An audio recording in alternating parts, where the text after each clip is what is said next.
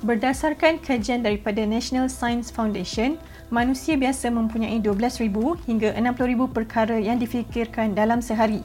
85% daripadanya adalah fikiran yang negatif dan 95% adalah fikiran yang berulang-ulang. Apabila sesuatu yang buruk berlaku, sesetengah orang cenderung untuk berfikir ke arah yang lebih buruk. Fikirannya akan membesarkan lagi masalah yang ada. Kalau masalah itu adalah sebesar batu bata asalnya, fikiran yang negatif akan menjadikan masalahnya sebesar bangunan.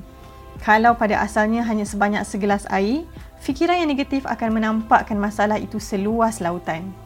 Assalamualaikum kepada pendengar Tazkirah sekalian. Bersama saya Natira dan kali ini Tazkirah akan berkongsi topik yang jarang-jarang dibicarakan iaitu bagaimana ingin mengenal pasti pemikiran negatif dan cara mengatasinya. Pemikiran negatif bersifat automatik dalam bahasa Inggerisnya dipanggil negative automatic thoughts. Menurut Aaron Beck, seorang doktor pakar psikiatri yang memperkenalkan konsep ini ketika melakukan kajian ke atas mereka yang menghidap kemurungan, beliau mengulas bahawa pesakit ini mempunyai pemikiran negatif terhadap diri sendiri, dunia dan masa hadapan. Jika tidak dikawal, ia biasanya akan mempengaruhi mood dan perasaan dan boleh membawa kepada masalah cemas, ragu-ragu terhadap diri sendiri, tekanan, hilang motivasi dan sebagainya. Ia satu proses berfikir secara negatif yang berlaku secara serta-merta dalam fikiran kita, biasanya tanpa disedari. Antara jenis-jenis fikiran negatif yang ada antaranya yang pertama berfikir secara hitam dan putih atau dalam bahasa Inggerisnya adalah all or nothing thinking. Ini bermakna kita cenderung untuk berfikir secara rigid, secara paling ekstrim atau paling kurang atau secara berlebihan atau tidak langsung. Analoginya berfikir secara hitam putih ni, kita fikir yang okey, kalau saya tak buat terbaik untuk tugasan saya, saya memang tak berguna langsung. Kalau rakan saya marah saya, maknanya dia memang benci saya. Yang kedua adalah terlalu percaya kepada firasat sendiri ataupun magical thinking or fortune telling.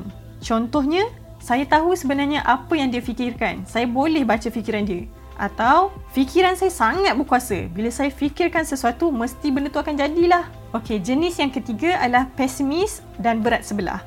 Kita rasa yang orang lain langsung tak boleh dipercayai, dunia ni tak adil ataupun perkara buruk hanya berlaku pada diri sendiri.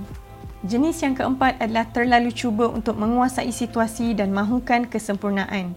Semua perkara perlu ada di bawah kawalan kita. Contohnya, Kadang-kadang sikap ni boleh bawa masalah sebab kita tak dapat nak berkompromi dengan sebarang kesilapan yang dilakukan oleh kita sendiri atau orang lain. Jenis fikiran negatif yang kelima adalah menganggap sesuatu yang terjadi sangat teruk. Contohnya, bila kita dah gagal dalam peperiksaan, kita anggap masa depan dah kelam, dah tak ada kerja yang kita akan dapat, semua orang akan anggap kita tak berguna. Jadi kita cenderung untuk membesar-besarkan kesilapan dan juga kegagalan yang berlaku walaupun masalah tersebut sebenarnya kecil je. Jenis fikiran negatif yang keenam adalah menyalahkan orang lain. Kita cenderung untuk menyalahkan orang lain sepenuhnya atas apa yang terjadi. Contohnya, oh dia yang selalu buat saya sedih, dia yang buat saya macam ni, dia yang buat saya marah. Dia, dia, dia. Kita salahkan orang lain kesemuanya. Jenis fikiran negatif yang ketujuh adalah kita bersangka-sangka ataupun kita selalu sebut kalau kita bimbang, sangat bimbang dengan sesuatu. Macam mana kalau saya naik kereta ada orang langgar saya? Macam mana kalau naik kapal terbang dan kapal terbang jatuh terhempas? Ia bukan sekadar fikiran yang datang sekali-sekala je. Negative automatic thoughts ni adalah fikiran yang kerap datang. Dan kerisauan yang kita alami tu adalah kerisauan yang berlebihan tentang banyak perkara. Antara ciri-ciri pemikiran negatif pula ada lima. Yang pertama, selalu negatif. Seseorang tu cenderung untuk memandang sesuatu perkara dari sudut negatif terlebih dahulu. Contoh, oh orang tu nampak marah, mungkin dia marah pada saya. Ataupun, saya silap buat kerja yang disuruh, mesti saya yang paling lemah dalam kelas. Jadi, dia selalu berfikir daripada sudut negatif terlebih dahulu. Ciri yang kedua, membuatkan anda rasa teruk terhadap diri sendiri kita fikir kita rasa tak berguna, hidup pun tak berguna, selalu buat salah, selalu tak dapat nak buat yang terbaik dan sebagainya. Ciri yang ketiga, membuatkan anda sabotaj diri sendiri. Kalau saya buat pun, saya mungkin tak akan berjaya. Jadi apa gunanya nak cuba? Apabila mempunyai fikiran sabotaj diri, seseorang tu cenderung untuk mengkritik dan menghalang diri sendiri daripada mencuba sesuatu perkara. Ciri yang keempat, membuatkan anda lebih mudah mempercayai perkara negatif berbanding positif. Fikiran negatif yang anda ada terhadap diri sendiri seakan-akan lebih mudah untuk dipercayai berbanding fikiran positif. Contoh, saya selalu buat silap. Jadi saya lah orang yang paling cuai dalam kelas dan saya lah yang paling tak boleh diharap. Kita cenderung untuk percaya perkara negatif berbanding positif. Kita rasa kita tak mampu untuk cuba lebih baik. Ciri yang kelima adalah pemikiran yang tak seimbang dan berat sebelah. Fikiran negatif memang biasanya berat sebelah. Contohnya kalau anda fikir anda lemah dalam satu hal, jadi anda akan cenderung untuk fikir bahawa anda pun lemah dalam hal-hal yang lain walaupun tak ada sebab pun ataupun tak ada pun bukti-bukti yang kukuh.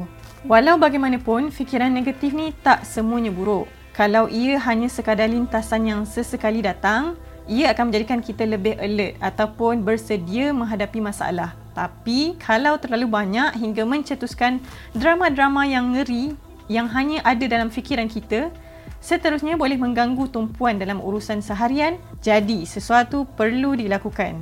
Baiklah, para pendengar sekalian, teknik yang akan diterangkan sekejap lagi insya-Allah berguna bagi mengawal fikiran negatif yang ada. Jadi, mari pecahkan fikiran negatif kita. Langkah yang pertama, keluarkan dulu kertas dan pen. Kemudian, langkah kedua, anda senaraikan perkara negatif yang anda fikirkan. Untuk langkah kedua ni, anda boleh buat dua bahagian kolom, buat kotak, buat dua bahagian kolom. Kolom yang pertama, senaraikan ke semua perkara negatif yang anda fikirkan. Contohnya, perkara yang membuatkan anda tak confident, yang membuatkan anda takut, perkara yang buatkan anda stres sejak akhir-akhir ini ataupun apa saja yang anda tak suka berkait dengan orang lain. Okey, kemudian kolom yang kedua, tuliskan pula perkara positif yang anda dapat di sebalik perkara negatif tersebut. Contohnya, anda dah tulis anda tak confident di kolom yang pertama. Jadi, tuliskan satu perkara positif yang sudah berlaku sebelum ni Apabila anda tak confident, contohnya anda akan melakukan persediaan lebih awal untuk menghadapi perkara tersebut. Maksudnya kita cuba untuk counter back, kita cuba untuk lawan pemikiran negatif yang di kolom yang pertama. Kita tuliskan apa saja perkara positif yang berkait dengan uh, perkara di kolom pertama. Contoh seterusnya, kalaulah perkara negatif tu berkait dengan orang lain. Jadi di kolom kedua tu, tuliskan satu perkara positif tentang orang tu. Takkanlah tak ada langsung perkara positif kan? Seterusnya, kalau perkara negatif tu adalah tentang kerja.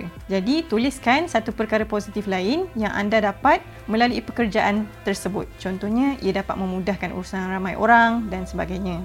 Objektif bagi aktiviti ini adalah untuk menyeimbangkan fikiran-fikiran negatif yang ada supaya fikiran anda tidak hanya fokus kepada sudut negatif sahaja. Bukan mudah untuk menukar perspektif lebih-lebih lagi jika kita sedang berada dalam kemelut masalah tersebut. Tapi, apa kata cuba dahulu teknik baru ni bagi mengasingkan sekejap fikiran kita daripada masalah yang ada. Langkah ini dapat membantu anda menjadi lebih objektif dalam berfikir. Selain itu, ia juga dapat menjadikan fikiran kita lebih tersusun.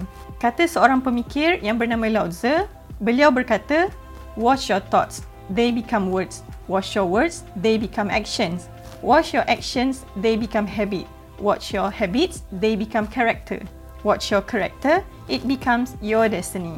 Hati-hati dalam fikiran kamu, ia akan menjadi ucapan. Hati-hati dengan ucapan, ia akan menjadi perbuatan. Hati-hati dengan perbuatan, ia akan menjadi tabiat. Hati-hati dengan tabiat, ia akan menjadi peribadi. Hati-hati dengan peribadi, ia akan menjadi tujuan hidupmu. Jadi mengapa menjaga fikiran daripada overthinking dan berfikir perkara-perkara negatif sangat penting? Ini kerana dalam Islam, amanah masa dan tubuh badan juga akan dipertanggungjawabkan. Dalam satu hadis diceritakan bahawa seseorang itu tidak akan berganjak dari tempatnya di padang mahsyar sehingga ditanya tentang lima perkara. Pertama, di manakah dia menghabiskan umurnya? Kedua, adakah dia mengamalkan ilmunya? Ketiga, bagaimana seseorang itu memperoleh hartanya? Keempat di mana ia menginfakkan dan terakhir tentang tubuh badannya ke mana ia digunakan. Membiarkan minda kita selalu berfikir negatif samalah seperti kita buang masa dan kita tak gunakan anggota badan yakni otak yang diberikan dengan sebaiknya. Kita habiskan masa dengan berfikir secara negatif dan berlebih-lebihan sampailah benda itu memberi kesan kepada perkara lain. Contohnya, kita terlupa janji, kita tak uruskan kehidupan dengan baik, kita cetuskan perselisihan faham dengan orang lain dan sebagainya. Berfikir secara negatif dan berlebihan ni bukan hanya mencuri masa, malah akan memberi kesan yang tidak baik kepada tubuh badan kita. Antara kesan negatifnya, badan akan jadi cepat penat, kurang bertenaga dan tahap kreativiti berkurang. Ia boleh terzahir dalam prestasi kerja. Contohnya, kita tak dapat nak fokus dan kerja jadi lambat siap. Selain itu, ia akan beri juga kesan kepada kualiti tidur sama ada kita kurang tidur atau kita terlebih tidur. Selera makan juga boleh berubah. Kadang-kadang kita tak sedar cara fikir kita sebab kita dah biasa dengan cara fikir macam tu. Tapi apa yang penting yang perlu kita tahu, kebanyakan masalah yang berlaku biasanya bermula dengan cara kita berfikir yang seterusnya akan mempengaruhi tindakan seseorang. Oleh itu, penting untuk sentiasa periksa keadaan fikiran dari semasa ke semasa. Yang penting, kenali corak pemikiran anda, gunakan langkah untuk memecahkan fikiran negatif seperti yang telah dikongsikan sebentar tadi serta bertanggungjawablah dengan amanah masa dan fikiran yang telah dikurniakan oleh Allah Subhanahu Wa Taala. Jadi, itu sahaja untuk perkongsian podcast kali ini. Semoga anda mendapat sedikit sebanyak input yang boleh membantu diri dalam menjalani kehidupan dengan lebih baik. Sekian daripada saya Natira. Untuk dapatkan lebih banyak informasi menarik, teruskan bersama kami di tazkira.com. Assalamualaikum.